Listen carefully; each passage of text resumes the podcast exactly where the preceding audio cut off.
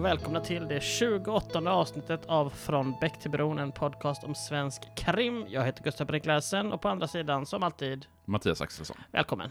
Tack så mycket. Ska du säga. Eftersom vi är hemma hos mig, Ja. återigen, den här veckan också. När vi pratar om Stefan Sauk, då är vi hemma i mitt hem. Ja, det verkar som Det att så vi, det är så ja. vi har bestämt. Det var så vi sa. Så det här är sista gången vi är hemma hos dig då? Ja, precis. Ja. För nu blir det ju ingen Sauk. Eller, det blir ingenting. Du har inte pratat med farsan om han hade den här tv-serien på VHS. Nej, det har jag inte gjort. Så det, men det blir nog inget avsnitt om hela tv-serien. Jag har, jag har tappat livslust.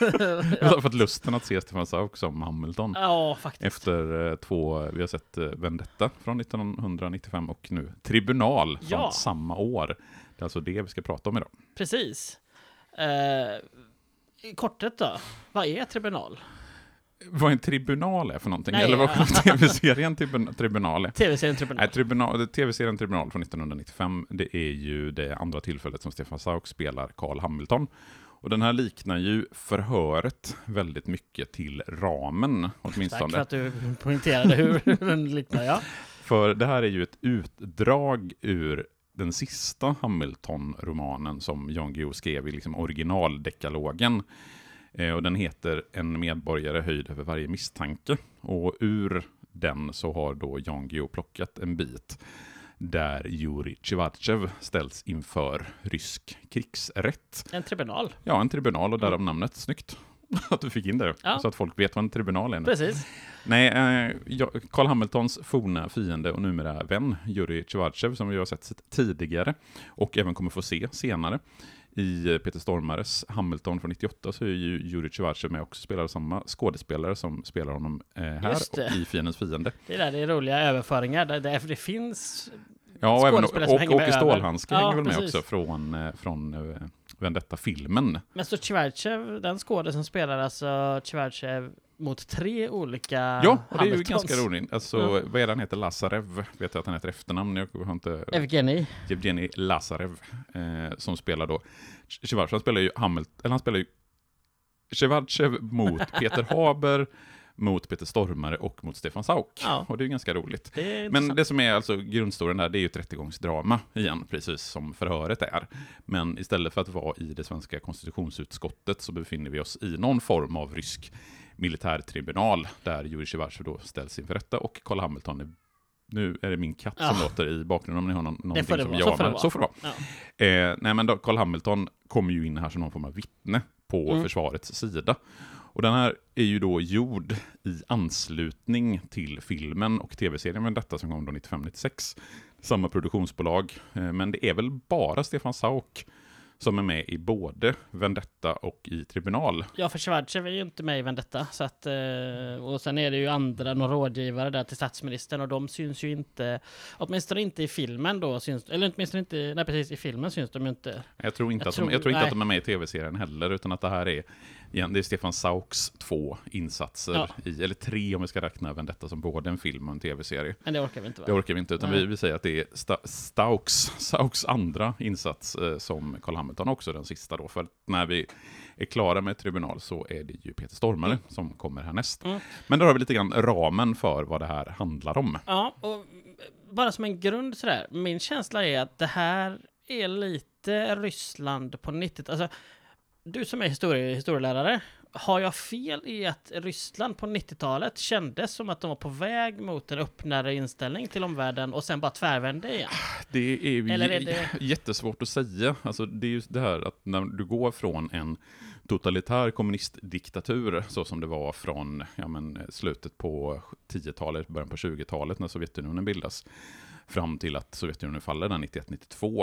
Eh, så det fanns väl någonstans förhoppningar åtminstone att Ryssland skulle gå i en mer demokratisk riktning under 90-talet. Sen var, var man ju tvungen att genomlida de här gigantiska nyliberala experimenten i början på 90-talet som någonstans kraschade den ryska ekonomin och sen så från, eh, ja egentligen, Jeltsin var väl aldrig någon, även om han blev demokratiskt vald, så det är väl lite det här med just eh, att även demokratiskt valda ledare kan ha auktoritära drag. Ja, gud ja, Eh, verkligen. Och det, jag skulle nog inte jämföra Ryssland på 90-talet med Ryssland idag. Jag skulle nog säga att Ryssland var mer demokratiskt utifrån ett västerländskt perspektiv. Ja, mer Ja. öppet.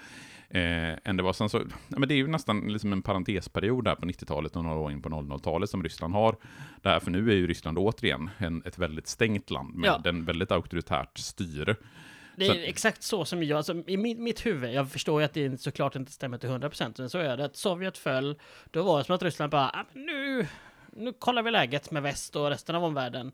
Hade Jeltsin i, ja men nästan 10 år va? Mm, Jag vet inte om han satt i mer än 10 Ja, för men- 99 var det väl han har, Ja, gick väl ja. nyårsafton 99 någonstans där, Ja, det var. ganska Ett sent. decennium i alla fall kan man säga, i, princip. Inte riktigt helt, Nej. men nästan ett decennium. Ja, och sen var det som att Putin blev vald eller kom in och då hade man förhoppningar på att han skulle öppna upp det Mm. fortsatt. Men så istället tvärvände det med honom och att han har tagit åt sig och konsoliderat makt och han har gjort de här konstitutionella konstigheterna. Han, är han premiärminister nu va? Eh, oklart. Men hej och välkommen till Dokument Ja, men- utifrån, ja, som ja, det nej, blev men nu jag, istället. jag, jag, jag tycker att det är intressant att Absolut, absolut. så här, vi får en in, för det är ändå det är en rysk regissör och rysk, alltså det, det Vladimir, känns Vladimir Grammatikov, bra efternamn framförallt. också känd som regissör för, Ja. det, det vet jag inte, Nej. 90-talet, Mio min Mio regisserade han Jaha. 1987, den svensk-ryska samproduktionen där. Inte den med Christian Bale. Jo, exakt Nej, den med Christian jaha. Bale. Eh, För det var ju en svensk-rysk samproduktion med amerikanska skådespelare. Ja, har inte- brittiska jag- då, eftersom Christian Bale ja, brittiska. Ja. Engelsktalande Ah, okej. skådespelare. Ja. Det, Eh, det hade jag inte en susning Nej, det är han som har regisserat Mio min Mio. Ja. Nu, jag såg ju den på bio när den kom där, och då var jag ju inte ens tio år fyllda. Nej. Eh, Så jag, jag, jag, jag upplevde ju den som ganska, ganska bra då, men har ju förstått i efterhand att det är lite av kalkonvarning på den. Jag vet inte om du har sett den? Jag har inte sett den. Nej. Jag har sett intervjuer med Christian Bale från typ den tiden där han sitter som ett väldigt brådmoget litet barn och pratar om sina skådespelare, hur han gör och att han försöker insupa. Han verkar ju vara en väldigt jobbig människa på det sättet. Att det är väldigt, väldigt mycket character actor och Mm. går in i rollen till 120 procent. Nej, så för svenska, Ja. för svenska ögon så är då Vladimir Grammatikov känd för att han har regisserat dels Tribunal eh, från 95 och då Mio Mio från 1987. Så han är känd för att ha regisserat Mimmi Mio från 1987 kan man nog säga. ögon. tror att folk i allmänhet inte känner till Tribunal i lika stor utsträckning. Nej, jag tror ändå inte det. Men Nej. jag känns som lite mer... Men skitsamma, min, min poäng var att det känns som ett annat Ryssland vi tittar in Att de liksom Absolut. fick tillstånd att filma på, jag Mm. vet inte om de är på Röda torget, men liksom Det känns som att där och då kan man bara, ja kom hit och filma, filma Mm. allt liksom. Men, men att nu hade man fått kämpa något in i bänken för det liksom. Ja, och Civarchev pratar ju lite grann om det utifrån att han säger, för han blir ju anklagad just då för, är- det högförräderi eller förräderi mot fosterlandet? Ja, jag kommer inte ihåg den exakta väl. Ja. Och han säger ju när han sitter där i sin cell i väntan på att bli kallad till rättegången, att hade det här varit för tio år sedan, alltså under Sovjettiden, så hade han blivit skjuten på plats. ja, Men nu är det ju ändå, även om rättegången, eller tribunalen då, känns ganska på förhand bestämd vad det gäller kör på, kör på. Det är katt igen. Nej, katt igen som välter eh, Pepsi-burkar här inne.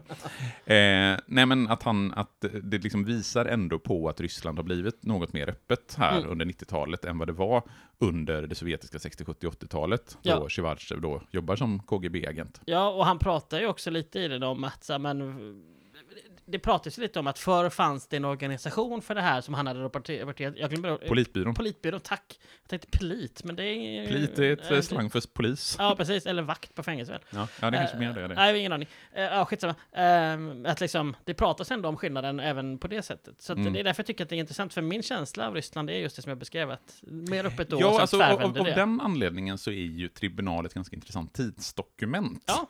Just för att den är gjord där i mitten på 90-talet. Det hade varit en helt annan grej om man hade gjort den här i mitten på 80-talet. Det hade varit en helt annan grej om man hade gjort den i mitten på 00-talet. Verkligen. Så att den är gjord där 95 är, är ju ändå ganska spännande som sagt då tidsdokument.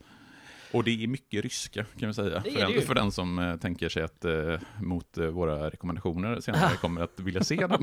Men därav ryska regissören då. Men manus är ju skriven av Jan Pierre Pierre Pierre Pierre Pierre Guillou. Ehm, jag minns aldrig vad han heter.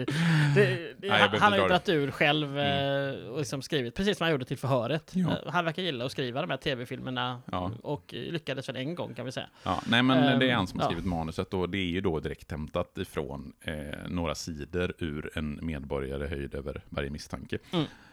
Men premissen då, ja, Sidan Schwarz- 214 till 304, en medborgare höjd över varje misstanke. Väldigt specifikt. Ja, jag hittade det här i eh, Snuten i skymningslandet, Just det. som jag gärna bläddrar i.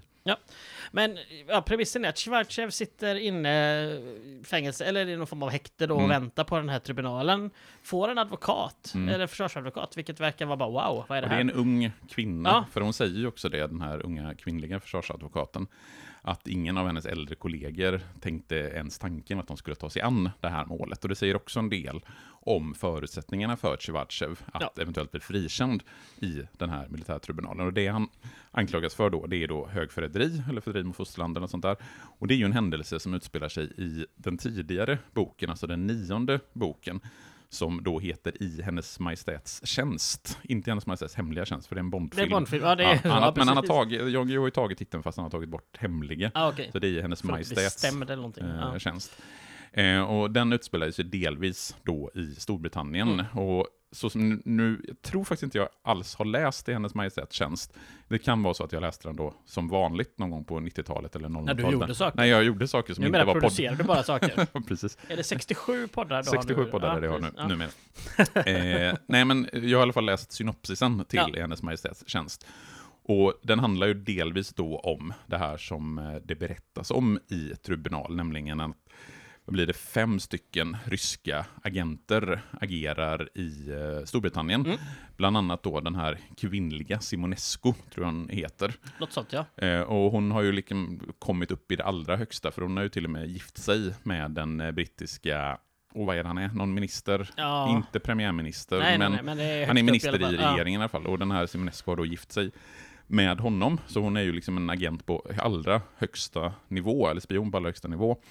Eh, den här ministern avgår och sen blir någon chef för något sånt här, något försvars, eh, eh försvarsföretag eller militärt företag av något slag. Men helt plötsligt så börjar de här eh, ryska agenterna att mörda Mm. eh, brittiska medborgare, vilket då blir problematiskt. Och det Shivachev gör då, det är att han lämnar ut information till Carl Hamilton, som sen blir den som leder operationen för att plocka bort de här ryska agenterna. Och han är ju själv ansvarig för Tre av- livet på tre av Ja, fem, tror jag det är. Han, han, han erkänner det. ja. Mm. Mm. Ehm, ja, precis. För att Shivartsev kommer väl på någonstans, han inser att om de här fem ryska agenterna får fortsätta så kommer det bara bli negativt för Ryssland i det långa loppet. För att det kommer komma ut, eller på något sätt antar jag. Eh, för det sägs ju, eh, vi kan ta det redan, det sägs väldigt sent i den här lilla filmen att de här ryska agenterna hade dött i alla fall. Fast de, då hade de dött på ett sätt som gjorde att det avslöjades. Och då hade det varit dåligt för Ryssland på alla sätt. Det hade liksom blivit sanktioner och... Jo, det- man pratar ju ja. väldigt mycket om de här negativa konsekvenserna som hade blivit för framförallt den ryska ekonomin. Ja. Om det här hade liksom kommit ut. Det vill säga om Shivachev inte hade lämnat uppgifterna till Carl Hamilton och de här ryska agenterna hade avslöjats på något annat sätt. Så hade, ja men dels så hade det varit handelssanktioner mot Ryssland, NATO hade upprustat, det är så här massa grejer som de pratar om skulle då ha varit negativa konsekvenser Ja. för Ryssland. Ja. Så då menar ju Civarchev att visst, han erkänner ju att han har gjort det han har gjort, men han menar att det inte är högförräderi. Utan att han, nej, det är liksom Ja. tvärtom, han agerar i den ryska statens eh, liksom intresse. Han menar ju att det han har gjort är bättre för den ryska staten än att inte avslöja de här namnen. Och anledningen till eh, att det är Hamilton som har ihjäl de här och inte den brittiska, och inte brittiska eh, agenter eller brittiska... MI 5 eller MI6 6. eller ja. ja, 5 eller 6. Ja. Eh, det är ju för att eh, det är tydligen lättare att döda någon på, eh, på, bortaplan. på bortaplan, för Ja. då har man diplomatisk immunitet. Det är svårare, det är mer komplicerat att döda någon i sitt eget land, för då kan man även dömas för liknande, för, för förseelser. precis. Jag menar, ja, och här... Ja, gud. Det Fan vad du är taggad för det här Nej, avsnittet, så- Gustav. Alltså. Shit pommes frites, som Jag börjar känna att vi är klara. Nej, men det är liksom... Ja, men, Nej, men nu tänker jag att om vi, Ja. går, om vi går scen för scen nu, Nej. eh, nej, tribunal, nej, så nej. börjar det med... Nej, men det vi kan Kalle ju... Lind har skällt ut oss för att vi gick sen för sen. Då, då ska vi aldrig göra det igen.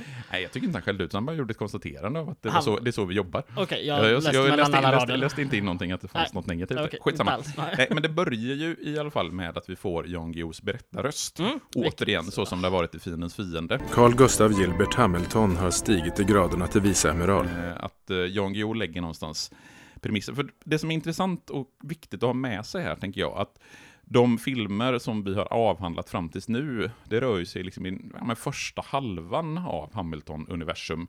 Eh, vad det gäller bok, Mm. bokväg. Jag kommer inte ihåg, men Vendetta, var det den femte Sa vi inte boken? det? Jag tror att det är, ja, men vi har, jag har åtminstone rört oss i den främre halvan Precis. någonstans. Men här hoppar vi helt plötsligt fram till den sista boken, vilket gör att vi hoppar över en massa saker som har hänt i Hamiltons liv. Och går man sig från att ha sett Vendetta på bio till att eh, gå och se den här på, eller gå och se, man ser ju den hemma eftersom Ja. den gick eh, på kanal 1. Men detta Den- var den sjätte ska sägas. Eh, men, och så att vi ändå hoppat över tre böcker däremellan liksom. Ja. Ja. Så, och, och där så berättar ju då Jan Guillou att eh, Hamiltons familj är utplånad. För det är ju den sicilianska maffian. För det här bråket mellan sicilianska maffian och Karl Hamilton som påbörjas i Vendetta. Ja, det for- fortsätter. Det fortsätter ju, fortsätter ju sen i de senare Ja. böckerna. Där bland annat då eh, hans fru, eller exfru som det sen blir, Eva-Britt. Mm. För han skiljer ju sig från Eva-Britt. Jag tror han gör det till och med i Vendettas-boken. Ja, det, Men detta- du pratade om det att jag sist. nämnde det. Ja. Så att hans exfru Eva-Britt och deras dotter blir ju mördade av den sicilianska maffian. Hans nuvarande fru Tessie blir mördad. Det är någon annan, om det är hans mamma, som de har ihjäl också. Och eh, den sicilianska maffian försöker ju också ha ihjäl Hamilton. Men Hamilton klarar ju sig Ja. givetvis. Så när vi nu kommer fram här till liksom den sista boken, finalen av Hamilton, så är han ju en ensam man. ja, Hans, det bör liksom- vara en plågad en man oerhört plågad. som har Men han- förlorat alla. Ja, så någonstans så kan man ju säga att han på ett personligt plan så är han ju liksom på botten så långt ner man kan komma, men på ett karriärmässigt plan så har han ju stigit i graden, för han har ju blivit Säpochef Ja, precis. helt plötsligt. Eh, han är ju chef för Säkerhetspolisen i Ja, vad Sverige. gör han som militär som chef för Säkerhetspolisen? Eh, Jag tycker att det är ett alldeles utmärkt val att sätta in Carl Hamilton i eh, rollen som Säpochef. ja. Nej, men det, det han skulle, jag för mig att det är någonting av att han, för det Jan Guillou jobbar mycket med i de sista Hamilton-romanerna, alltså de som kommer då, om säger 92, 93, 94, 95, där, eh, En medborgare över misstanke Mm. och i Hennes Majestäts tjänst och de två innan, eh, den enda, Ingenmansland och där den enda något, ja. segern. Eh, det, där är ju mycket av temat, den här rasismen, som var väldigt tydlig i det svenska samhället i början på 90-talet med Ny Demokratis intåg i den svenska riksdagen 91, Lasermannen, alltså den första Lasermannen, eh, skinnskallar, bråk på 30 november, flyktingförläggningar som brann. Alltså, jag tror ibland Det att finns man... många bra filmer om detta. 30 november, eh, Bra, inom stora citattecken här, Ja, nej, vi 30 säga. november tycker jag är fantastiskt. Göran Gillinger tror jag va? Ja, Göran Ja. Gillinger spelar 13 november. Gillar honom. Eh, nej, men jag tror att man glömmer bort ibland hur oerhört liksom, polariserat och rasistiskt Sverige var i början på 90-talet. Just Mm. det här att faktiskt brinner fl- flyktingförläggningar ganska frekvent och ganska ofta. Och Ny Demokrati, även om de inte som Sverigedemokraterna liksom har rötter, eller hade rötterna i, liksom, i nazistisk, alltså den nazistiska Nej. rörelsen, så var det ju ändå väldigt tydligt ett högerpopulistiskt och bitvis, Gud, ja. och de hade ledamöter som var tydligt rasistiska. Eh, så det var ju ett, en fråga som Jan Guillou väldigt mycket ville skriva om i de sista Hamilton-romanerna. Nu vet jag inte riktigt var jag började den här långa ranten, för jag, jag jag, hade en poäng som jag skulle komma till utifrån att... Gör eh, den. Jag gör den poängen genom att eh, ni får spola tillbaka och se vart var det Mattias började i den här ranten. Eh, jo, just det. Varför, varför Carl Hamilton blir Säpochef har jag för mig handlar någonting om att han ska rensa upp Aha. i liksom den här rasistiska strukturen som finns inom den svenska säkerhetspolisen. Okej. Och nu spoilar jag jättemycket om den sista boken, eh, En medborgare hö- höjd över varje misstanke. Nej. Och den har än så länge inte blivit film, eh, så den kommer vi aldrig prata om, mer än den här tribunaldelen då givetvis. Nej, precis. Men den handlar ju om att det sker ett antal mord på svenska flyktingar. Eh, Och då är det Carl Hamilton som är mördaren. Eh, Och det som är motivet Ah. till att de mördar dem, det är att de här eh, flyktingarna, eller invandrare, inte säkert att de var flyktingar, men att de är informatörer in- till Säkerhetspolisen, så de liksom golar på sina egna, om man säger så. Vilket gör att Carl Hamilton någonstans upphöjs till en hjälte i, bland svenska invandrare. Det är i alla fall så som det beskrivs i den sista boken, En medborgare höjde varje misstanke. Är det därför han sen måste fly i Sverige? antar Han, döm, han döms ju, och Ja. han erkänner ju brotten. Han eh, liksom säger ja men det var jag som gjorde det. Ja. Och han liksom förnekar ingenting. Nej. Och så döms han, och på något sätt så är han ju tvungen att fly från landet. För att, eh, bara ett kort tag efter att eh, den sista boken, En medborgare höjd över varje misstanke, släpptes, så kom ju den här Hamlon. Ja, en, En, en skiss till Ja, en precis. fortsättning eller vad det är. Jag har inte läst den. Nej, där befinner han sig i USA för mig. Och... Ja, och jag tror att den är Ja. väldigt atypisk i förhållande till Hamilton-romanerna i övrigt. Alltså det är inte samma typ, men det är någonstans att John Guillou skissar på Ja. att det går att göra en fortsättning. För Carl Hamilton kommer ju sen att dyka upp igen i ytterligare vad är det, Madame Terror Ja, och precis. vad fan den andra boken heter som Ja, ja, minns släppte på inte. 00-talet. Men jag har för mig att uh, Geo har sagt till och med att han skissade Ham Hamlon för att visa att det gick typ inte att göra en fortsättning. Alltså att han kom Ja, på det. precis så var det. Att, Så var för det. det var väl många som ville ha en fortsättning Mm. tror jag. Men han insåg att men, nej, men vi har liksom dratt det här till vägs ände. Jag kan inte börja om med honom nu på något sätt. Jag har för mig att vi har pratat om det här förut. Ja det har vi. Ja, och någon du gång. du Jag, jag har tagit upp Hamlon vid något Mm. tillfälle. minns Och det är helt rätt, att det var ju precis så han gjorde, att Hamlon var ju gjord just för att inte skulle kunna bli en fortsättning, och sen gjorde han en fortsättning ändå i den här Madame Terror och vad den andra boken nu heter. Ja, han kanske behövde några decennier eller många år på sig för att inse var han skulle kunna pl- plocka in Hamilton igen. Men där är väl inte Hamilton huvudperson om inte jag Nej, Hamilton spelar ju liksom en biroll, Ja. eh, och det är sen så... På så sätt kan man väl fortsätta tänka bara Ja, liksom. Det, absolut, absolut. Ja. Ska vi gå tillbaka till den här filmen Vi har sett? pratat, min, där sprack min röst också. Ja. Eh, vi har pratat i nästan 20 minuter och pratat väldigt lite om Tribunal. Hur Ja, kommer ja. det sig, Gustav? Ja, rimlig anledning att den inte är så bra. Ja, det, Spoiler men, alert. Ehm, för men, det är som alla sitter och väntar Ja. på, betyget på filmen. Men, det ska vi hålla lite på. ja, Men Jan Guillou kommer i alla fall med en inledande liksom voice-over. jag älskar att det fortfarande är där vi är. verkligen. kom 20 minuter in i och vi är fortfarande på Jan Guillous voice-over de första 30 sekunderna. Yes. Men Jan Guillou kommer i sin bil, det är inte han som kommer i sin, Carl Hamilton kommer i sin bil, eh, i sin snygga, oerhört snygga skinnjacka och sin väldigt, väldigt snygga frisyr in på eh, Reidar Dahléns kontor. För Oh. vi hamnar nämligen i eh, såpan Rederiet. Rederiet kändes det som. Stefan Sauk kommer in till statsministern och hans medarbetare. Ja, nu höll jag på att nynna på Tre Kronors melodi också. Det var det jag fick Ja, vi, vi lägger på signaturmelodin till... Nej, för att eh, han kom in till statsministerns kontor, statsministern spelad av Lars Lind Yes. och hans är det sekreterare eller medhjälpare. de står klädda som rådgivare. Ja. Eh, Anneli Norberg och Jan Nyman spelar de två. Ja, och både Anneli Norberg och Lars Lind har ju faktiskt spelat i Rederiet. Eh, Jag tror att Lars Lind spelade kapten eh, och Anneli Norberg spelade väl, hade väl någon mindre roll. Så det var av den anledningen som jag och min sambo var det väl framförallt som gjorde kopplingen, som tänkte att det här är, nu kommer vi rakt in i Rederiet. För det, det som också är grejen, och som vi pratade lite om när vi pratade i förhöret, det var ju att eh, känslan, åtminstone i de scenerna som är i början där i Sverige, är väldigt mycket svensk 90-talssåpa. Ja, gud ja. Det känns som en föregångare till, ja men antingen då Rederiet eller att det skulle helt plötsligt ska eh, Daniel från Skilda Världar komma och bara Är det du som är min pappa? Alltså typ sådär. Ja. Ehm, och eh, det finns en o... Det, Hamilton åker ju dit för att liksom, han vill berätta att han har blivit in, eller kallad till Ryssland för att vara med på det här förhöret. Eh, Eller att bli ett vittne då. Och det finns en väldigt rolig scen där det, här liksom, det, det är som att de har ställt upp de här tre skådespelarna, de, eh, statsministern och två andra på rad. Så att först är statsministern en grej, går ur bild. Så Ja. kommer rådgivaren fram, går ur bild. Och så kommer det, Jag, not, jag noterade också den liksom setupen på något sätt. Ja, Det är så det- oerhört roligt på något sätt. Det är, det är väldigt mycket... Ja, för mig känns det liksom, eh, när min syster och de hade liksom, i sexan hade man en, eh, en show på skolan, så här, som avslutade, väl många skolor antar jag, liksom, och det var som att de kom in från bakom scenen. Jag ska läsa den här dikten. Alltså, och så stod de på rad och skulle in. Alltså, det var väldigt sådär. Ja, och noterade också hur väldigt nära varandra Lars Lind och Stefan Sauk hamnar när de sitter i soffan. Det är liksom sådär, nu kanske det är så att man är lite så här coronaskadad av det här att man ska ha en och en halv meters avstånd, men jag, det kändes ju som att de kom oerhört nära varandra. Och det är Ja. faktiskt inte enda gången i den här korta en, en, en timmes eh, tv-serien, avsnittet, som människor kommer väldigt nära Carl Hamilton. Okej. Noter, jag noterade sen under själva tribunalen att både åklagaren och Ja. advokaten kommer Ja, extremt nära honom. Advokat gör någon extremt teatralisk grej och går runt där som att han är Hamlet och spelar på scen någonstans. Ja. Liksom.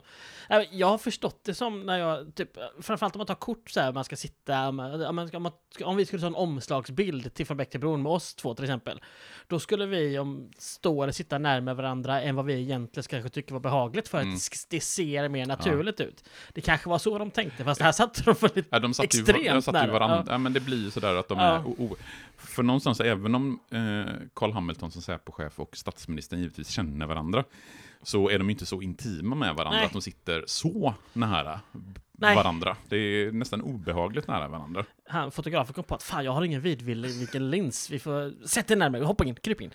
Men ja, äh, det, ja, Hamilton berättar, jag åker dit. Ehm, och- Men det här var någonting, eh, bara påpeka för att vi ska, om vi ska sätta det var, Ja. var vi är i tid, Ja.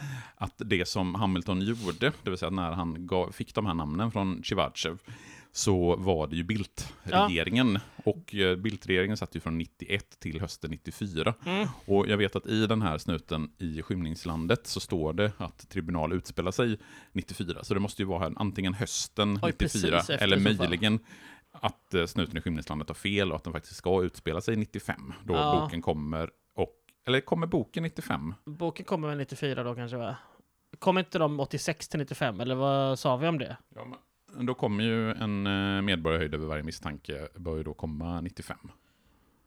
Eh, den kom, nej fan, den kom 94. Ja. Och Okej, det var 85 till 94 då kanske de kom. För de kom väl 10 år, ett, eh, det var väl, alltså de kom Ja. en per år har för Så, mig. så måste det ha varit. Eh, sitt samma som eh, Bra, bra, ra, bra radio där. Ja, väldigt bra radio. Tur att det är en podd. Ah, ehm, men statsministern verkar inte helt nöjd kan vi säga. Men Hamilton skiter väl i någon annan. Han bara... Ja, men han, han, han det gör är ju en som... hederschock. Är det Ja, det är en. Mm. Men om vi, om vi tänker så här att för mycket, eller merparten av tribunal utspelar sig i Moskva. Mm. Det är ju liksom där huvud, för Carl Hamilton kommer ju resa till Moskva Han tar efter ett att han, SAS-flyg han tar ett. SAS-flyg till, eh, till Moskvas flygplats. Mm. Vad, vad tänker du om den här första scenen med statsministern? Känns den som att den överhuvudtaget är nödvändig för Nej, tribunal? Inte Alltså det för, minsta. hade man kunnat tänka sig att man skippade den helt enkelt och hade ett mycket längre voiceover med Jan Guillou i början när han får Ja, berätta det hade det? inte varit bättre. Men, men man hade kunnat skippa Jag hela... tror nog i för att det hade varit bättre, om man ska vara ärlig. Man har, man har kunnat få en liten voiceover som förklarar varför Hamilton, jag säga Bildt, men varför Hamilton åker till Ryssland. Mm. Vi behöver inte få det sett i en scen. Kan, det kan vara voiceovern och så kan det här avsnittet vara 45 minuter långt istället. Mm. Det hade gått precis lika bra, eller att man lagt mer tid på någonting annat. För att den är, jag tycker den scenen är helt onödig och den är väldigt dålig generellt. Mm. Tyvärr. Nej, men man, man, man har ju liksom en, ja. nästan, nästan sådär att en känsla av att man vill tvätta av sig efter att man har sett den. Ja. Inte för att skådespelarna nödvändigtvis är dåliga i den. Jag tycker inte att... Men lite ja, av ja, det, det kanske, ändå. kanske Ja. är lite, för det, det blir lite dels, alltså det blir lite det här, det dock, inte dokusåpa, det blir lite såpa känslan inte bara i miljön och hur det är filmat, utan även hur repliker och så levereras. Ja. Så det kanske är att skådespelarna är lite dåliga. Ja, Det kan ju också vara regissörer som inte kan svenska där liksom. Det kan det absolut vara. Eh, jag Eller att manuset, det. en manuset är taffligt skrivet. Ja, Det det, ja, det kan vara mycket av allt. Ehm, nej, men, du som har läst böckerna, nämner de till exempel Bildt vid namn i böckerna? För jag blev förvånad Jag är att... ganska säker på att eh, de högsta politikerna som Carl Bildt, Boris Jeltsin, eh, Condoleezza Rice i de senare böckerna nämns vid namn. Däremot så, när du kommer ner på lägre nivå, till exempel Pierre Schori kallas ju för Peter Ja, Sorman. precis. eh, och jag tror det finns andra, och Ulf Samuelsson är ju Samuel Ja, Ulfsson. precis. så att det kommer du liksom under de absolut högsta. Ja. Så är det liksom omskrivet. Ja, men jag är men jag ganska blev säker på att eh, Carl Bildt, eller åtminstone så nämns ju utländska presidenters och Ja. statschefers eh, vid liksom riktiga namn Ja. i eh, böckerna. Ja, för jag blev förvånad över det. Jag trodde att man skulle välja att liksom köra fiktiv eller omskrivet där då. Men så att när han säger Carl Bildts namn så jag hajar till på det. Ja. Å andra, sidan, å andra sidan så har du ju Boris Jeltsin eh, som... Boris eh, Nikolajevitj. Boris Nikolajev Jeltsin. Som Han, två karaktär, skådespelare spelare. En skådespelare Och en på spelar riktigt. Ja, precis. ja, nej men för att han förekommer med sitt riktiga namn Mm. och även sitt riktiga ansikte. I, för att när vi nu kommer till Moskva så eh, tar ju Carl Hamilton in på hotell Mm. eh, och på hotellet så är en tv på i bakgrunden. Och där ser vi Boris Jeltsin. Vad heter han i mellannamn sa du? Boris Nikolajev Jeltsin. Ja. Och där ser vi då den riktiga Jeltsin. Mm. Alltså, det är ett riktigt nyhetsklipp. Så att vi liksom, ja, där är hans an- namn och ansikte. Pang bom. Mm. Ehm, till skillnad från sen då, när, eller, vi, tar, vi tar det sen. Mm. Ehm, För att det som Hamilton då ska göra i Moskva, det är ju att han ska ställa upp som vittne i den här rättegången. För Jurij Chevachev sitter i sitt eh, häkte, sin lilla cell där spelar någon form av schack. Ja. Är det väl han spelar? ja, Eh, och har lite eh, ekivoka bilder, eh, fotografier på nakna damer i bakgrunden. Jag vet inte om Ja. du noterade det? ja, ja, nej, det var bara, Det var hela den cellen var märklig. Ja, mina Ja. blickar dras ju givetvis till om det är nakna rumpor på, i, bo- i bakgrunden. Är det din fetisch? Min, det är min fetisch, fetisch det är nakna rumpor. Eh, men han får ju åtminstone då komma in i rättssalen, men i uniform med sina medaljer. Däremot så är de här axelklaffarna avtagna från, Aha. hans, eh, från hans uniform. För de, han får ju tillbaka dem sen i slutet. Pappan kommer ju med de axelklaffarna och ger honom dem i handen. Och du ser ju ganska tydligt, eh, om du tittar så ser du att de är liksom uppsprättat så man ser trådarna i eh, uniformen, så att där det har suttit ax- Det är väldigt snyggt, för det, så skulle det se ut då Ja. om man strippade någon av För jag dem. tänker att eh, i och med att han är liksom åtalad här i den här tribunalen så är det inte orimligt att man plockar bort Nej. de här axelklaffarna.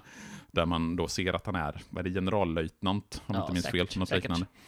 Och i den här tribunalen så är det tre militärer som eh, ska döma eh, Jurij Tjevarchev. Det är hans eh, advokat, det är en åklagare som är någon form av major. Och sen så sitter ju Tre domare. tre domare har jag sagt, och sen så Tjevarchevs pappa är ju med från början. Ja, just det, han Där får så- med det här lite han får random. med som åskådare, men blir sen utkörd Ja. och sen så kommer in en annan man som jag aldrig får veta vem det är, men som uppenbarligen är från ja, det som motsvarar väl politbyrån. Ja, antar Eller det. någon, någon, någon typ av högre. Ja, Ja. Sen är det en tolk ett tag också, för att tydligen måste Hamilton ha tolk. ska, Vi, ska, vi, ska vi komma till det? Eller vill du dra någonting mer om det som sägs är- innan? jag vill dra så lite som Ja, du var så lite som möjligt. För att, ja, det, det har ju snickesnackats lite. Eh, Shivachev har förhörts. Eh, han har fått säga liksom varför han har gjort det. Eh, Han har beskrivit det. Han har beskrivit liksom händelseförloppet. Eh, och efter att man har liksom haft förhör i 15 minuter så tänker att eh, domaren att nu är det dags att bryta för dagen. Ja. Väldigt konstigt att man gör ett break liksom efter en kvart. ja, det är lite väl lite. Eh, och sen kommer då Carl Gustav Gilbert Hamilton Pierre. in i rättssalen. I fullt uniformerad eh, marscherar han in och liksom slår klackan i taket. Här, slår klackarna när han Ja. kommer in för att tydligt markera. Och sen går han ju på ett oerhört teatraliskt militärt sätt och ställer sig i vittnesbåset som är mitt i rummet. Mm. Och han har ju på sig sin, eh, sina medaljer. har väl fått- utvalda medaljer. Ja, han har ju fått många Ja. medaljer Mm. genom åren, men det här är då medaljer han har fått från den ryska presidenten. Ja. Och sen är det väl en sovjetisk medalj också, om jag inte minns fel. Ja, det är det väl. Jag minns. Eh, ja. För att visa just att han har ställt upp för det ryska folket The tidigare. Motherland. The motherland of Russia. Yes. Eh, men vad vill du säga nu om, vad är det för språk Carl Hamilton pratar initialt? Han pratar ju initialt eh, något som ska likna ryska Думаю, это лишь затянет наш разговор и, возможно, приведет больше к непониманию, чем ясности. Mm. Eh, och Och det det- har jag inte en aning om hur bra han gör, ska jag helt ärligt säga. Nej, han ty- tycker ju själv, Stefan Sauk i alla fall, att han pratar en utmärkt Moskva-dialekt av ryska. Han, eh, jag var inne och kollade på hans hemsida, där han eh, skriver om upplevelsen från ett tribunal. Eh, för, och där skriver han ju att merparten av de repliker som han eh, uttalade i tribunal var ju på ryska. Det är Vilket ju, lögn. vilket är ju en lögn, för jag Mm. har faktiskt räknat, det är 16 repliker som uttalas på ryska.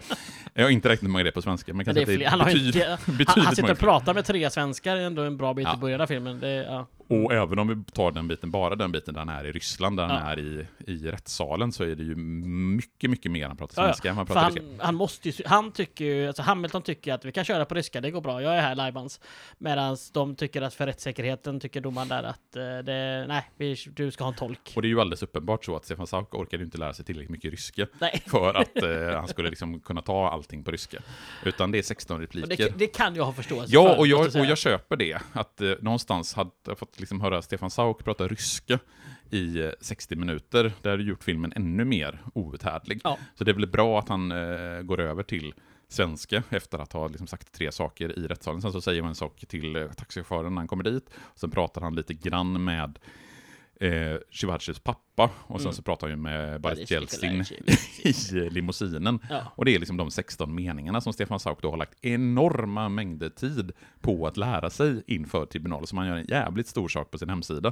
Att han la ner extremt mycket tid för att liksom, Och det roliga är ju också att eh, han beskriver hur det ryska filmteamet blev så imponerade av hans ryska kunskaper så de började prata ryska med honom. För de förstod inte hur en svensk skådespelare kunde prata så perfekt Moskva-dialekt om man inte hade liksom Moskva-dialekt och ryska som någon form av modersmål. Så han, han menar ju då att det ryska filmteamet började prata ryska med honom för att han hade sån perfekt dialekt. Han Och ljuger ju. Eller så ljög de för honom möjligen. kan vara så kan också. det också kan vara. så.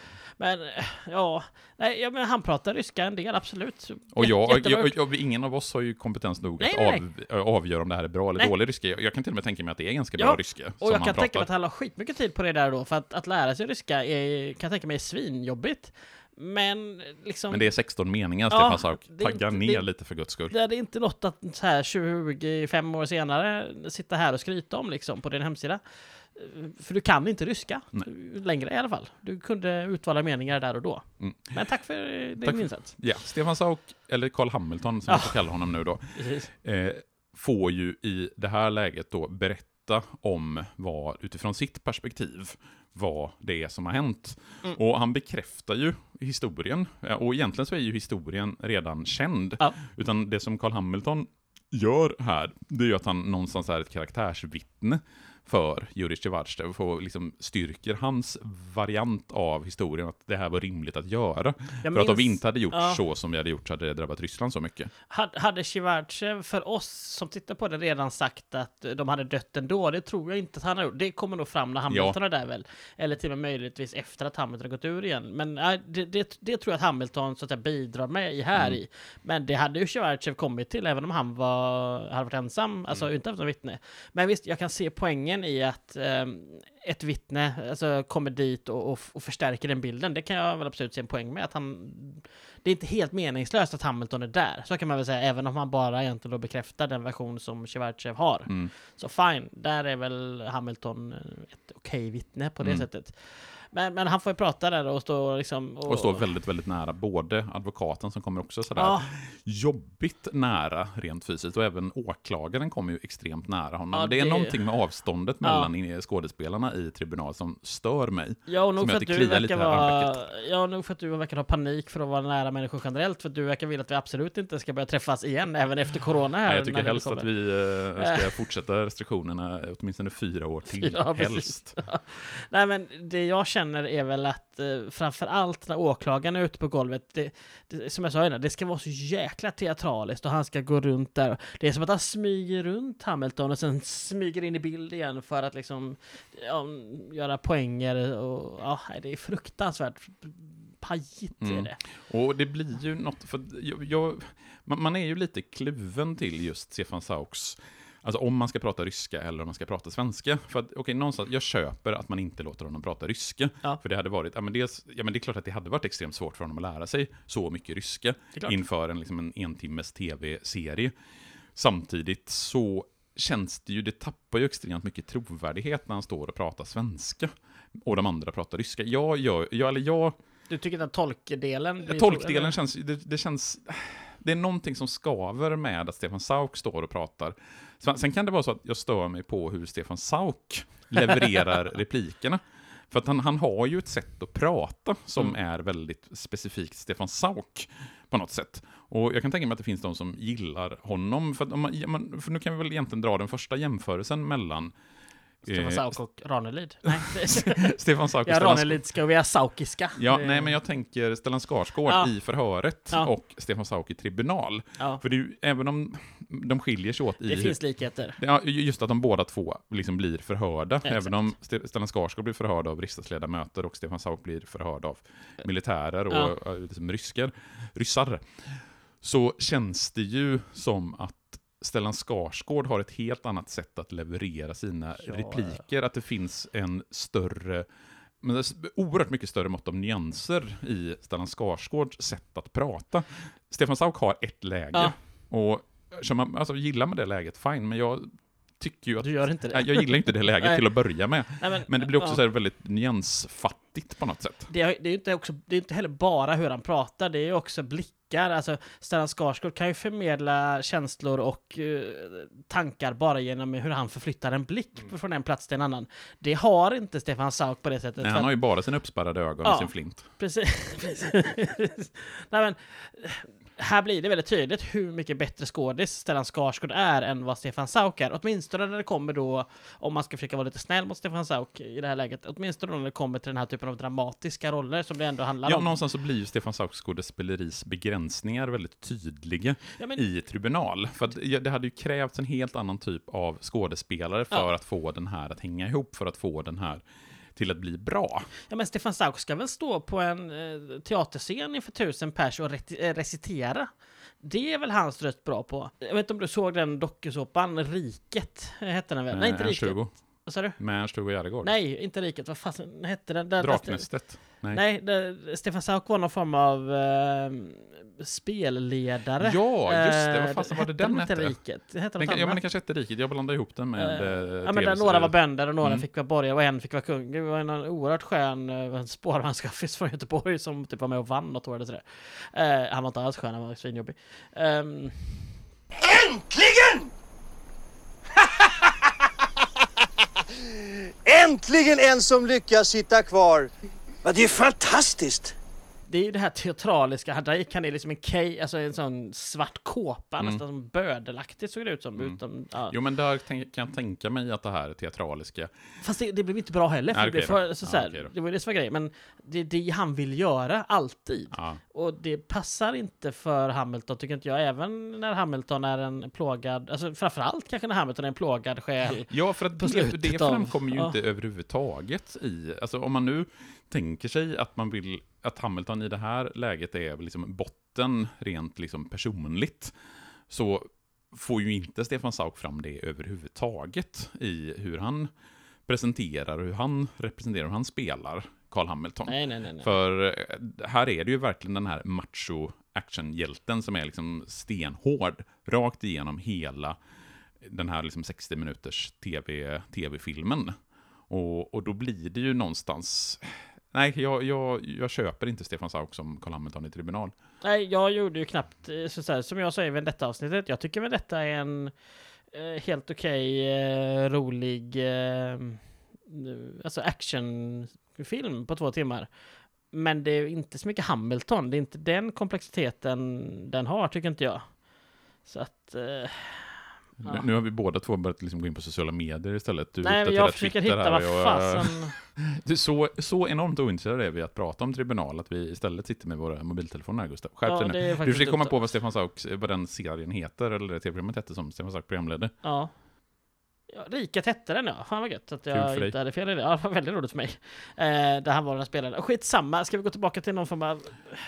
Handling. Ja, Ja, ja, vi- han berättar det och sen försvinner han ur rättegången igen. Ja, han går ner och pratar med Tjevardtjevs pappa Ja. och levererar ytterligare några korta meningar på ryska. Och Ja. sen så blir han inkallad av den här viceamiralen som är den svartklädde. Och det. vad det verkar vara det mest sympatiska av de som sitter i domarbänken där, Ja, fem men av de tre militärerna. Ja. För han, även om han svettas enormt Ja, mycket, verkligen. jävlar vad han svettas. Gud, eh, sjukt mycket svett.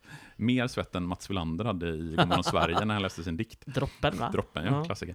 Eh, nej, men han verkar ju vara den mer sympatiska av dem. Han kallar ju in Hamilton på eh, herrarnas Ja. och berättar att ja, men det kommer bli en dödsdom. Men det blir mot ju ett. 2-1 faktiskt, så han röstar väl mot... Jag eh, utgår från att det är ja, han som röstar veta, eftersom, han, men- eftersom det är han som berättar, Ja. berättar det.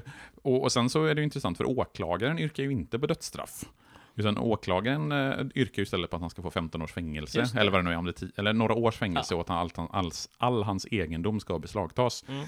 Så eh, domarna är ju de som eh, liksom, någonstans höjer straffnivån till dödsstraff. Det är För att märkligt. åkla- ja, det är lite märkligt kan Ja. man tycka. Men det finns ett-. Det finns ett sätt som eh, Hamilton ändå kan rädda sin vän Ja. Jurij Tjevardtjev. Och det är att prata med den ryska presidenten Boris Jeltsin. Jag tänker inte uttala eh, mellannamnet där. Pierre. Boris Pierre Jeltsin. Ja. Nej, men för, och då vet ju Hamilton precis när eh, Jeltsins limousin ska passera vad jag tror är Röda torget. Ja, det, Ja, berätta nu vad du tycker om den här scenen, Gustav. scenen när Sauk ska få stoppat på dem, herregud. Jag kommer inte ihåg vad han säger exakt, men det är verkligen... Han, Boris Nikolajevitj! och liksom beter sig som en jävla fanboy på något Mm. Ah, nej, det är så dåligt va? Men Boris, eh, Boris tar ju sig ur, eller så här, tittar ut och ser att det är Carl Hamilton och ropar in honom i alla fall. Och då är det ju det här märkliga, då är det en skådespelare som spelar Jeltsin. Alexander Skorokhod. Möjligt. Eh, Med reserva- stor reservation för mitt uttal på efternamnet. Ja, han, har förutom han har förutom tribunal spelat i Ja. Polisskolan i Moskva.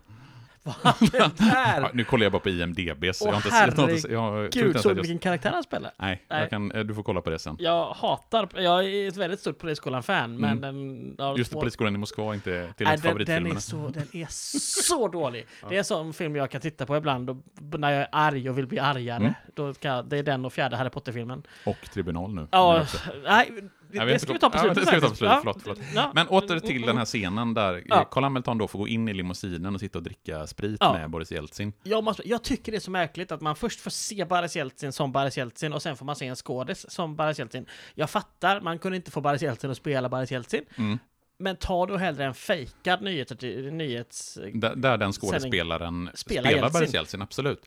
Tycker, tycker du att det finns en porträttlikhet som är slående? De är, nej, de är För inte helt olika. För det int- intressanta är här, återigen hämtat från Stefan Sauks hemsida i beskrivning av tribunal. Tycker han att han själv ser ut som nej, nej. Nej, men han berättar att enligt Stefan Sauks egen berättelse här då från inspelning av Tribunal, så var det ju dels att de drack riktig sprit, för att ryska skådespelare dricker inte så här äppeljuice när de ska dricka whisky, utan Nej. det var riktig sprit. Så den här skådespelaren blev, tydligt, blev tydligen ganska berusad. Och var ute berusad. rumlade runt lite Ja. på Röda torget, var på en massa ryssar trodde att det var den riktige Boris Jeltsin, vilket jag har extremt svårt att tro, för så jävla lik Så är han inte. Boris Jeltsin. Nej, det Och jag låter som en minns- kraftig överdrift. Och jag minns när jag såg den här, för jag såg den när den gick på tv 1995, Ja. och när dörren, den här scenen, alltså när dörren öppnas och liksom det sträcks ut en hand, eh, precis innan huvudet kommer ah, ut, jaha, okej. så tänker jag att, ah, fan, nu kommer liksom, det, vi kommer inte få se Boris Jeltsin, utan vi bara liksom förutsätter att det är Boris Jeltsin. Och sen så sticker där huvudet ut, och 95, vad kan jag ha varit då, 13 år, då visste jag ändå hur Boris Jeltsin såg ut, och insåg, Vad sa du? 13, nej, vad fan blir jag? 95? 17 väl? 17!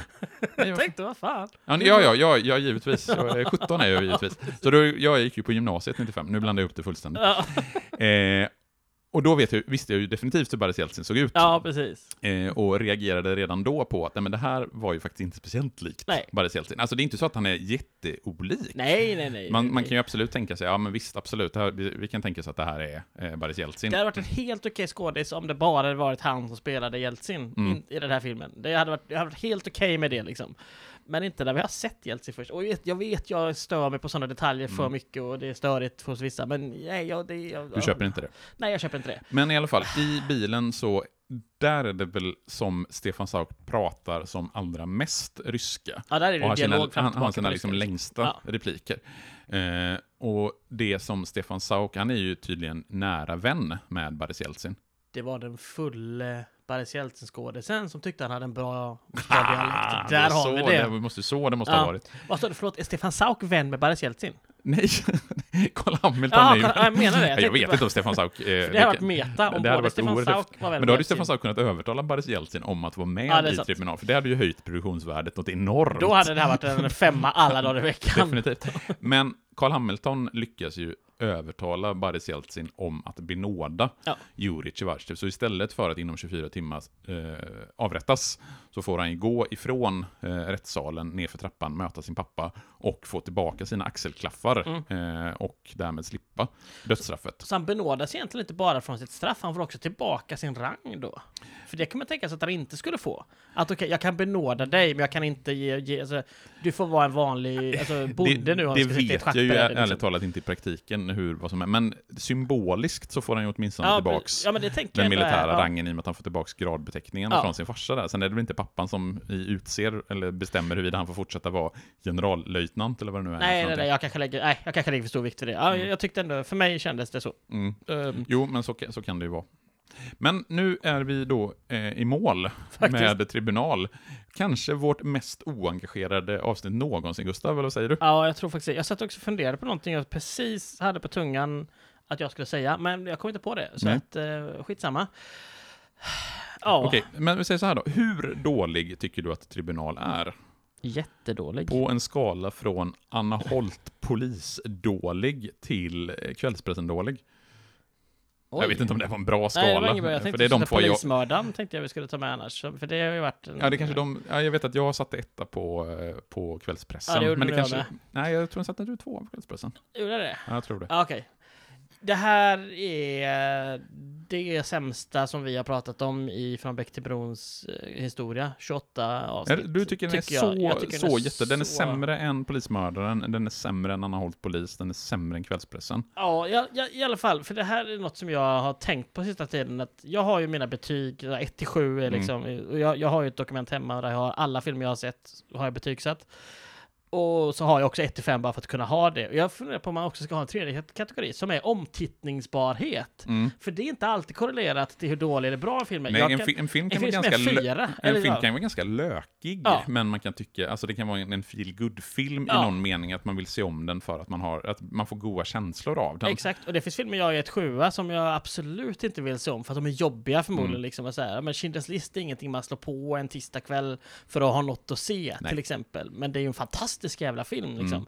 Medan då Polisskolan som ligger på liksom, tre och fyra år, de flesta där liksom. Men de kan du bara, alltså, så här, de är omtittningsbara för att det är lite underhållande. Det är Mahoney och det är gänget Mm. sådär liksom. Och den här är, och Polismördaren är en sån film för mig. Den är jättedålig, men den har ändå viss omtittningsbarhet. Ja, du har dessutom, det finns ett nostalgiskt skimmer Ja. över den, tänker jag, för din del också. för mig är det, det, det är det som gör den Ja. omtittningsbar, också för att det är lite roligt. Jag, kan, jag, jag, kan, jag kan någonstans tycka det är kul att se hur dåligt det faktiskt är gjort där med Ja. till exempel dubbningarna. Ja, Här för- tycker ja. jag inte att det är roligt Nej, att och sen så ska man, om man jämför med Polismördaren till exempel, det finns ju förmildrande omständigheter i Polismördaren. Alltså vi har ju fortfarande Gösta Ekman, Kjell Bergqvist och Rolf. Lassgård som är fantastiska Det är för skådespelare. lite, men de är ändå där. Liksom. De är, de är Ja. där och de, deras samspel är riktigt bra. Ja. Och, så att den här tribunalen är absolut sämre än Polismördaren. Eh, Mm. Men, och, och jag kommer ju, ja jag sätter, jag sätter ju en etta på den också. Va? What do you say? eh, nej, jag, jag, för jag, jag satt någonstans och liksom vägde mellan en etta och en tvåa Aha. igår när jag hade liksom sett färdigt den. För jag tänkte, är den verkligen så jättedålig? Som, eh, och sen så kom jag fram till, ja, men de, när jag kollade på liksom vilka filmer vi har satt två, den är mycket sämre än sådana som vi har satt tvåor på. Mm. Eh, så man önskar att man haft en sjugradig skala att jobba med. Nej, men okej, men vad är det du tycker är liksom så jättedåligt med den? Vi har ju varit inne på ganska många saker Ja, när vi har gått igenom men den, men om du ska liksom lista vad är det som är sämst med Tribunal? Nej men det tycker jag personligen då, men det, det behöver kanske mitt. Jag tycker att det är ganska ointressant hur det går för Jurij Schwarzev. Jag Mm. skiter fullständigt i honom. Så bara det faktum att det är honom vi ska bry oss om, är, är det en jättedålig start. För jag har liksom i de här Fiendens Fiende och i, ehm, vad sa vi, är min, ja, sen får vi se dem då igen. Ja, sen så är ju, fakt- om. han är ju faktiskt med i Tecknam Cockrouge också, fast med en annan Ja. skådespelare, men då möter han ju aldrig Hamilton. Nej. Han är ju på den rumänska ambassaden Just det, just det. Just när det. eh, Christer Henrikssons karaktär, Just Fristedt, eller Appeltoft, Ja. eh, träffar honom. Eh, så där är ju Jurij Ja. Schwarz med första gången. Ja, nej men jag bryr mig inte om hans historia och sen så är ju Stefan Sauk, eh, alltså de ryska skådespelarna jag tycker inte de är, det känns inte som att de har fått crème de la crème av ryska skådisar. De är inte bra och jag tycker det, det, jag tycker film, jag tycker allt är dåligt. Alltså jag tycker att hur det är klippt är dåligt och hur scenerna, det är väldigt, en del, det känns som att alla de här tre ryska domarna ska ha varsitt litet tal i filmen för att liksom visa Mm. det är inskrivet i mitt kontrakt. Jag ska ha minst en två minuter lång rant eh, och som, där bara jag syns. Och så är Stefan Sauk tyvärr ingen bra skådespelare. Och Nej. det gör att när han ska vara då huvudrollen och den vi ska luta oss mot, även om han inte är med i hela, eftersom att han är, han är det är inte som i i förhöret är det ju, mm, ja, efter början. Sen är det ju Stellan Skarsgård och Ja, så är några korta Carl- bortklipp. Ja, Carl Hamilton är ju liksom den röda tråden Ja. genom hela eh, Precis. förhöret. Sen klipper man bort till en del andra ställen där för Ja, att få men i, i reaktioner. Tribunal så är ju egentligen Han Carl en Hamilton en bifigur. bifigur. Ja. Absolut, det är ju Rusjevarce som är huvudfiguren. Och han, Lazarev, alltså skådespelaren, är väl egentligen en, den enda förmildrande om, för jag, där tycker jag, Han honom okej. gillar jag. Ja. Eh, och han gör en bra roll både i Fiendens fiende ja. och faktiskt här i Tribunal, Jo, han är tycker okej. jag.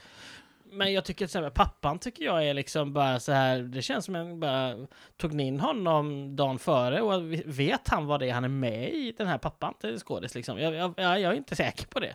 Um, det är min känsla. Så att nej, jag, jag, jag tycker verkligen att skådespeleriet är under all kritik. Jag tycker att det är tråkiga, dåliga scener.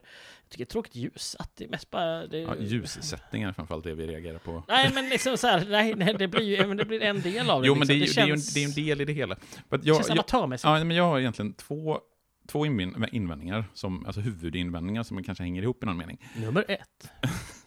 För det första så tycker jag aldrig att det blir spännande. Nej. Och det hänger ihop med det du säger, att jag bryr mig inte jättemycket om. Och eh, Det finns ingenting sådär som gör att, nej men varför ska jag fortsätta titta på det här? Nej. Varför ska jag liksom ta mig, nu tittar jag på det för att göra ett avsnitt om det, men hade jag, hade jag liksom satt på det här en torsdagkväll i vanliga fall, jag hade ju stängt av efter 15 minuter, för att jag, men skitsamma vad som hände med, med Shivachev, eller jag bryr mig inte om Hamilton. Nej, men det var som jag berättade för dig. Jag försökte se den här när jag kom hem från jobbet vid midnatt. Och tänkte, ja men fan, det är en timme, det klarar jag. Somnade som en Ja. jävla gris Så, tre så gånger det, det är liksom den ena grejen. Ja. Den andra grejen är att filmen saknar ju helt trovärdighet. Mm. Alltså, det kän, alltså, jag tror ju inte på att Carl Hamilton är i Ryssland. Jag tror ju inte på att Carl Hamilton står framför ryska, en rysk militärdomstol. Och då Jag är han ändå i Ryssland. Ja, eh, och jag tror inte på att det är Boris Jeltsin. Alltså, jag fattar ju att det är en, att det, att det är en skådespelare, men du, du Ja. förstår vad jag menar där. Att jag, jag, jag, jag köper inte konceptet. Däremot jämför jag den med förhöret. Alltså, jag fattar ju att det inte är riktiga politiker som sitter där, men jag tror ändå på det. Alltså, men- Det finns en trovärdighet i att ja, Carl Hamilton sitter i konstitutionsutskottet. Carl Hamilton blir förhörd av riksdagsledamöter som sitter i konstitutionsutskottet. Trots att du vet att de bara Ja, skådespelar. nej, precis. Nej, men det blir ju den här någonstans att jag tror inte på det, att det som händer i Nej. tribunal, jag, trovärdigheten saknas.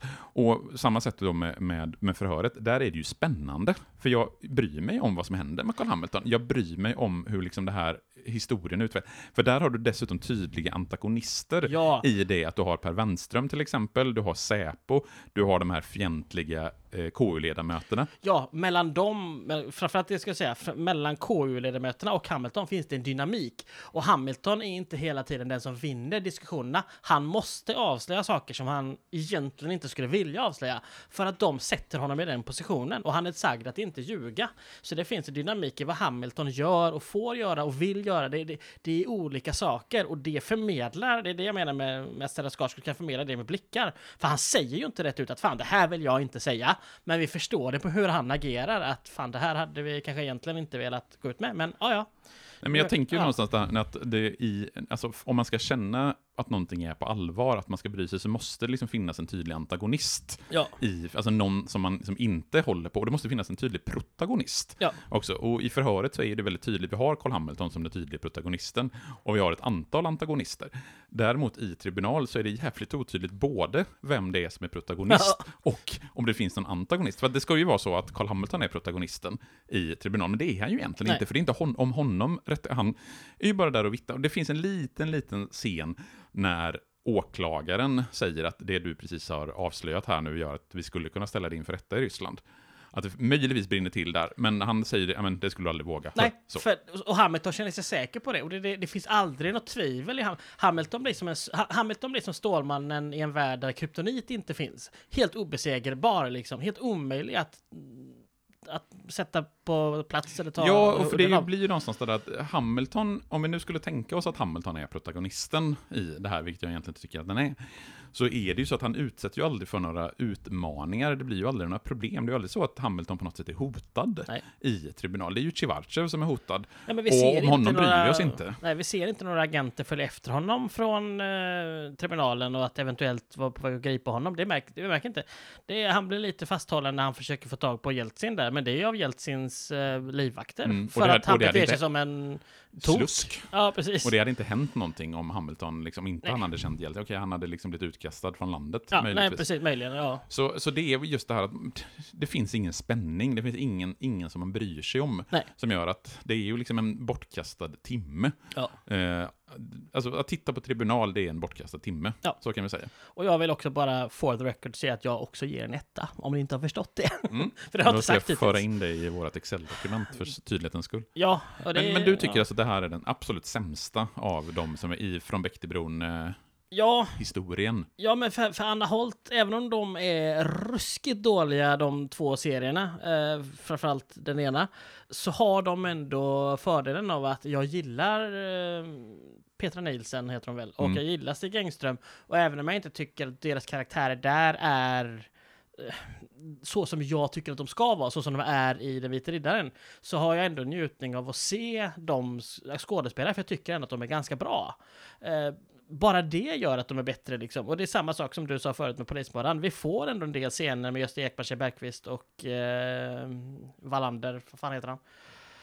Eh, Rolf Lassgård. Ja, precis. Apropå Wallander förresten, det ska jag också Ja, han är med i en bok. Ja, han är med i En medborgare höjde varm misstanke. Ja, det fattar, har jag aldrig fattat. Nej, alltså att eh, Henning Mankell har ju tillåtit Jan Guillou att använda sig av Wallander i den sista. Ja, han utredde någon form av mord på någon av... Nå- någonting, någonting. Eh, Ja. Jag minns inte. Dessutom är ju Rune Jansson också med. Rune Jansson som vi känner från eh, Den vita riddaren. Han är GVs egentligen. Eh, Nej, Rune Jansson är... Han är Juice. Han är Gios, Ah, okej. men han har ju varit med i Den vite Ja, riddaren precis. och eh, sen är han ju även med i Fiendens fiende. Och om jag inte minns fel så kommer han också komma tillbaka i Hamilton, fast av en annan skådespelare, så Hamilton med Peter Stormare. Det är ju skitjobbigt att den filmen heter Hamilton. Ja, det är, Det är så dåligt. ja. Skitdåligt. Hatar, hatar de som kom på som sa att den skulle heta så. Det var lathet. Men det är som att en James Bond-film skulle heta Bond. Ja, det är jättedumt. Det är ju skitdumt. Varför Pratar de så? ja. Jag kan heta James möjligen. Ehm, ja. Nej men ska vi, ska vi, ska vi gå Ska vi, härifrån ska vi skita i det här nu? Ja. Ja. Nej, men ni, som, in, ni som inte har sett Tribunal, ni behöver inte göra det. Nej. Den är dålig, den är jättedålig. Gör Stefan något- Sauk är kass, ja. ljus, ljuset är kass, manuset är kass. Allt är jättedåligt. Ja. Titta hellre på eh, förhöret, Ja, som är det. jättebra. Ja, men alltså, det är ju faktiskt sjukt, där. vilken skillnad. Förhöret är ju utan tvivel den bästa Hamilton-filmen. Kanske inte den bästa av alla filmer vi har sett ifrån Bäckebron, men den är ju, Nej. den är ju där uppe och Ja, nosar. ja, ja. Medan då Tribunal, som egentligen, den hade ju möjlighet att bli på samma sätt. För det har, liksom, har ju ändå förutsättningarna för det. Verkligen, verkligen. Men den blir så genomusel. Ja. Och, ja. Vi har redogjort för varför vi tycker den är usel, så nu lämnar vi Stefan Sauk. Mm. Ja, och nästa då är alltså Peter Stormare, Mm. som vi ser i en Hamilton-film va? Ja, och jag tror väl att den också blev en tv-serie, om inte jag minns fel. Ja, att de, det, är- var väl populärt att göra så va? Att det var samma sak som en Vendetta. Och då får vi ju, kommer ju Luke Skywalker eh, Just med det! som en eh, antagonist, om jag inte minns fel. Just Alltså Mark Hamill spelar... det. eh, Det minns jag var en stor grej, ja. att eh, han eh, dök in Och där. Lena ja. Olin, om jag inte minns fel, spelar eh, Tess Ja. I, eh, i Hamilton från 98. Jajamän, som... Eh, Den ska jag säga, den har jag, nu är det första Hamilton-filmen som jag inte har, eh, fan, hade jag sett Vendetta? Nej, det minns jag inte. Nej, det sa du till mig att du inte hade Nej, gjort. jag, nej, jag hade nog inte sett Vendetta. Det var att, det, okej, Peter Stormare är den första Hamilton jag inte har sett. Jag hade sett, jag sett, Stefan Sauk, jag hade sett Tribunal Ja. innan, när den gick eh, på, i oktober 95 där Just på det. tv. Jag tror att jag har sett den här Hamilton, bland, bland annat till Jonas Cornell. Jag har varit med och skrivit manus. Jonas Mhm. Cornell som vi alltså känner från Rosanna, Mannen på balkongen, Polis, polis, potatismos, etc. Som manusförfattare alltså. Mm. Eh, varför, vad ser jag här nu? Varför ser jag, okej, det här, är det här rätt eller fel? Men Mm. på hans Wikipedia-sida, Vem? Jonas Cornell? Jonas Cornell, alltså Ja. han är manusförfattare. Han står så här, Rosanna 93, Mannen på balkongen 93, Polis, polis, potatismos 93, Polis, polis, potatismos, tv-serie? Eh, det här är, finns ju någonting vi kan gräva i. Eller är det bara någon som har... Nej, det måste ju vara någon som har... är det någon som lu- blåser, lurar oss? Ja. Det får vi kolla i. För det Nej, här... Polis, polis, potatis måste aldrig varit en tv-serie. Nej, det har det väl aldrig Det va? hade vi känt till, garanterat. Ja, för den Wikipedia-länken på den leder in till boken. Så att Ja, det... nej. Nej, nej, nej, nej, nej. det är Nej, nej, som, nej, nej, eh, nej, nej, nej, nej. Jag blev lite till med helt plötsligt. Tänk vad kul om vi hade liksom hittat att det finns en sån här, eh, en eh, råkopia i ett arkiv någonstans av Polis, polis, potatismos, tv-serien Drömmen. i sex delar. Satan vad man hade älskat det. Alltså. Eh, Mats Långback kan ju comeback som Åke Stålhandske då, så att han följer Ja. med över bland annat. Och även eh, herr Lazarev är väl tillbaka som Ja. Jurij Sjevardtjev. Det är roligt att de stavar hans eh, förnamn olika på svenska Wikipedia på olika. Det är ju det här med transkribera Ja, ryska namn, det är ju inte så lätt. Från kyrilliska bokstäver till... Ja. Ehm, Men det intressanta blir ju att vi måste hitta den här filmen. men det ska väl vara enklare? För Ja, det här den, var fin- väl den, ändå fin- en... den finns ju på DVD. Eh, problemet är, så jag tror inte att den finns liksom så på serion.com och sådana. Utan att den har utgått. Däremot så tror jag att det är ganska lätt att hitta den begagnad på DVD. Är det dock någon av våra lyssnare som sitter med en kopia av Hamilton från 98 med Peter Stormare, så Skicka får den. ni jättegärna skicka ett mejl till franbäcktibron.gmail.com och så löser vi det med frakten i så fall. Ja, för jag hade tänkt att den här skulle vara lättare att få tag på just för att det, det här var ju mer en storfilm. Det här Ja. var Peter Stormare kom hem till Peter Sverige. Stormare, Mark Hamill. Ja, precis. Lena Olin. Lena Olin. Alltså så här, ja, och Stormare var han hade ju, visst han hade väl gjort så, men han hade ju ändå varit i Hollywood ett tag Mm. då. Han gick ju lite den här konstiga skådisvägen. Alltså, han var ju inte med i så mycket svenska filmer, utan gick ju snarare Hollywood, spelade små ryska roller och annat liksom. Eh, redan här. Mm. Ehm, och det kan jag tycka är, så att jag fick för mig att den här kom som ändå en biofilm, som en stor, det här var liksom årets, yeah. Det gjorde ju inte med detta, det var ändå en bio Även om det blev, den sätt. blev ju en succé, den blev ju Ja. det årets mest sedda film. Absolut. Så, eh, men så mycket ska man inte förringa Vendetta. Men i alla fall, eh, den, ska ju, den, den går ju att få tag på. Den finns på Tradera har jag sett och den finns ju säkert an- på Ja. andra. Den finns inte på Piratsbukten däremot. Det, Har redan då kollat. får vi lösa något annat. Vi löser det på något sätt. Ja. Men i, eh, nu skiter vi det här Gustav. Ja. Nu orkar vi inte med Nej. eh, Från Bäck till bron längre. Vi finns på sociala medier, heter Från Bäck till bron på både Instagram och på Facebook kan man bara söka på Från, från Bäck till bron. Du heter Yes. Gustav Brink på, med CK. På Twitter heter Maxisson med ett S. Yes. Om ni vill prata med oss personligen, skicka DM med snuskiga bilder till Gustav så gör jag gärna det. Det kan man inte göra jag följer dem, så att det är skönt. Nej, vi hörs igen om två veckor. Det gör. Hej!